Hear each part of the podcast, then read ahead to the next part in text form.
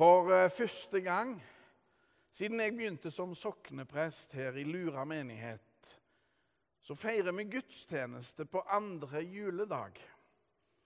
Det er minst to grunner for dette. Først at denne helligdagen faller på en søndag. Og da er det fint å feire gudstjeneste.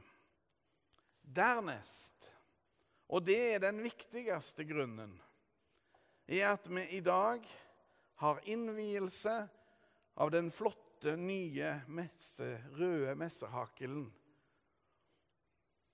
vår. Og den har vår egen tekstilkunstner, Else Marie Lunde, produsert. Og selv om vi i dag av koronahensyn ikke kan feire nattverd, så bærer jeg denne gjennom hele gudstjenesten. Til ære for Gud og Else Marie og menigheten. Er han ikke flott, det?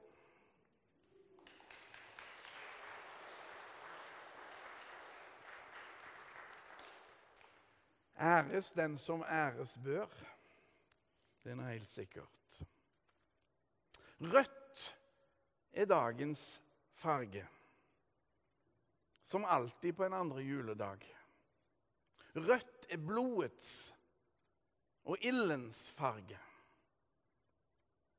Og på denne dagen, som både er andre juledag og Stefanusdagen, dagen til minne om den første kristne som led martyrdøden, så er dette dagen å minnes alle de som har lidd og lider for sin kristne tro.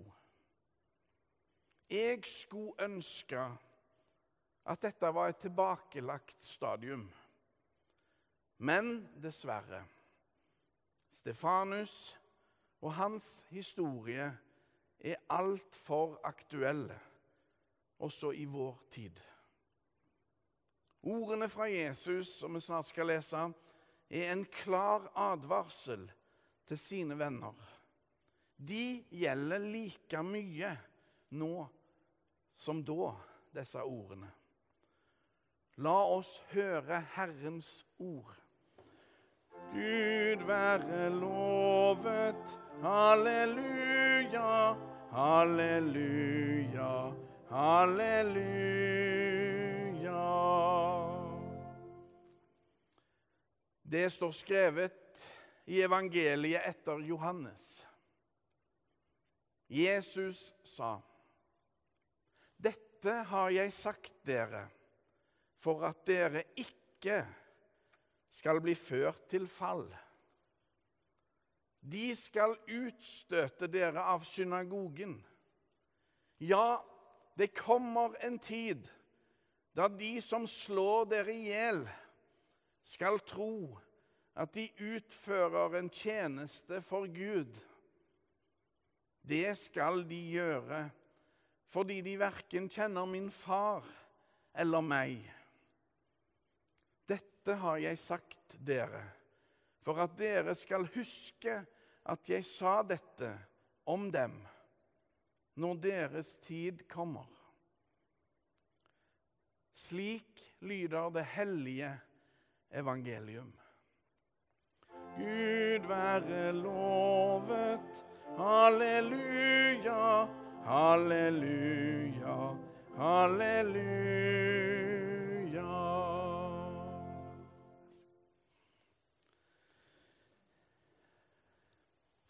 Til morgenen i dag fikk vi nyheten om at Desmond Tutu er gått bort, 90 år gammel. Snakka meg om en store, liten mann. Jeg opplevde han sammen med Siri på gudstjeneste i London for mange mange år siden, på 90-tallet en gang. Og det var en opplevelse.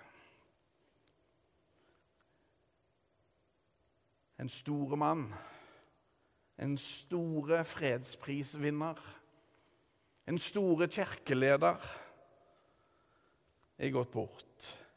Og han hadde en utstråling som ingen andre hadde. En Jesus-utstråling. Trosfrihet er dessverre ingen selvfølge, ei heller for kristne. Ifølge Stefanus-alliansen blir mennesker diskriminert, forskjellsbehandla, sulta, bestjålet, ydmyka, trakassert, nekta skolegang, trua, banka opp, overvåka, fengsla, voldtatt, torturert, kidnappa, uskyldig dømt, solgt som slave, landsforvist, dødsdømt og drept på grunn av troen på Jesus. Og apropos dette Folkemordet på armenerne i 1915, i det som i dag kalles for Tyrkia, er dessverre en fortida sak. Sjøl om det er over 100 år siden det skjedde. En som redda mange og hjalp de til å unnslippe, var norske Fridtjof Nansen. En store helt i Armenia i dag. Men omtrent en tredjedel av det armenske folket, en av de eldste kristne nasjonene, ble tatt av dage. Dette skjedde fordi noen fyrte opp religiøst hat for å løse det armenske problemet, som de kalte det for. Grusomt. Ja, Hitler-Tyskland brukte det seinere som inspirasjon for jødeutryddelsene før og under andre verdenskrig. Det som de kalte for det jødiske problemet. Folkemordet på armenerne er godt bevist og veldokumentert. Men staten Tyrkia nekter for at det skjedde et folkemord den gangen.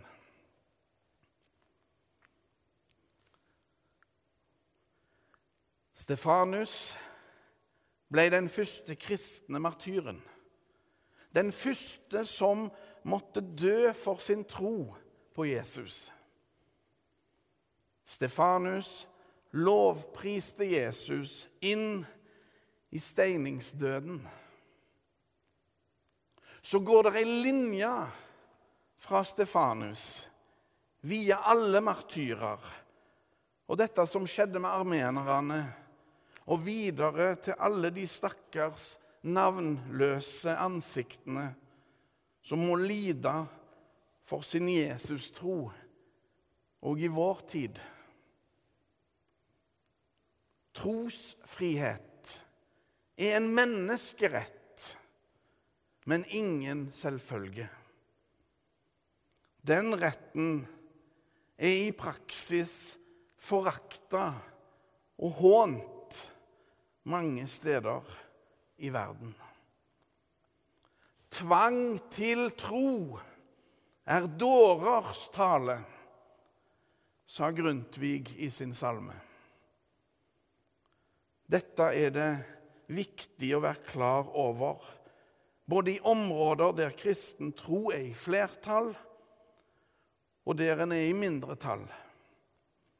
Ethvert menneske har rett til å tro og mene som det vil, og ha sitt livssyn uten å måtte lide for det. Men som jeg sa trosfrihet er dessverre ingen selvfølge. Jesus er tydelig og klar. Ja, det kommer en tid da de som slår dere i hjel, skal tro at de utfører en tjeneste for Gud. Akkurat slik var det jo med Jesus sjøl i påskedramaet. De trodde at de utførte en tjeneste for Gud. For Jesus visste hva som ventet han. Jesus, Guds sønn, ble helt uskyldig og ufortjent heist opp på korstreet og døde der. Som en triumferende kobberslange og vende blikket til for oss alle. Slik som det skjedde for jødefolket i ørkenen, så skal vi òg overleve de giftige bitta fra giftslanger. Uansett hva for en form de har. Alle de som vendte blikket mot kobberslangen, ble berga, frelst. Jesus ble vår kobberslange og vende blikket imot. Og det er så visst ikke særlig mye tro som kreves for å gjøre det. Det kreves bare et øyekast, et desperat blikk når ingenting annet nytter. Da er det òg håp for den håpløse. På korset triumferte Jesus på vegne av oss alle, slik at vi alle helt ufortjent kan få ta del i Guds nåde, Guds raushet, Guds kjærlighet et lite blikk er nok. Det er tro i massevis. Julens sterke budskap er at Gud ble menneske, en av oss, på forunderlig vis. Stille og forsiktig, født inn i fattige kår. Gud gjør seg synlig i et lite, forsvarsløst og sårbart barn. Og det er òg kirkas innerste vesen. Ikke med makt og vold, men med kjærlighet, raushet og nåde, toleranse og mildhet. I troens vandring har enhver person frihet til å velge hva skal jeg styre livet mitt etter. Hva for noen verdier skal få prege livet mitt? Trosfrihet er ingen selvfølge. Det vet de alt om, de som har måttet flykte fra diktaturer som ønsker å styre sine borgere både politisk og religiøst. Tvang til tro er dårers tale. Og For de som ikke helt vet hva dårer betyr, så betyr det de som er dumme. Det var det Grundtvig som sa. Tvang til tro er dårers tale. Gud vil oss vel. Gud ble en av oss. Det er sant, det som Svein Ellingsen sier i sin salme, og som ble sitert fra dette stedet på julaften. Ingen er lenger alene på jorden. Ingen er lenger alene på jorden. Kjærligheten sprenger alle grenser. Setter oss alle fri til å være meg sjøl. Og da må vi òg kjempe for andres rett til å få være det. Og Så hørte jeg nettopp en historie fra et dødsleie her i området. Det var noe Stefanus-aktig over den historien. Ei eldre dame lå for døden, og hennes sluttreplikk den var slik Ja, nå begynner festen! Og så gikk hun inn i koma. Det var det siste hun sa. Ja, nå begynner festen! Ære være Faderen og Sønnen og Den hellige ånd, som var, er og blir en sann Gud fra evighet og til evighet. Amen.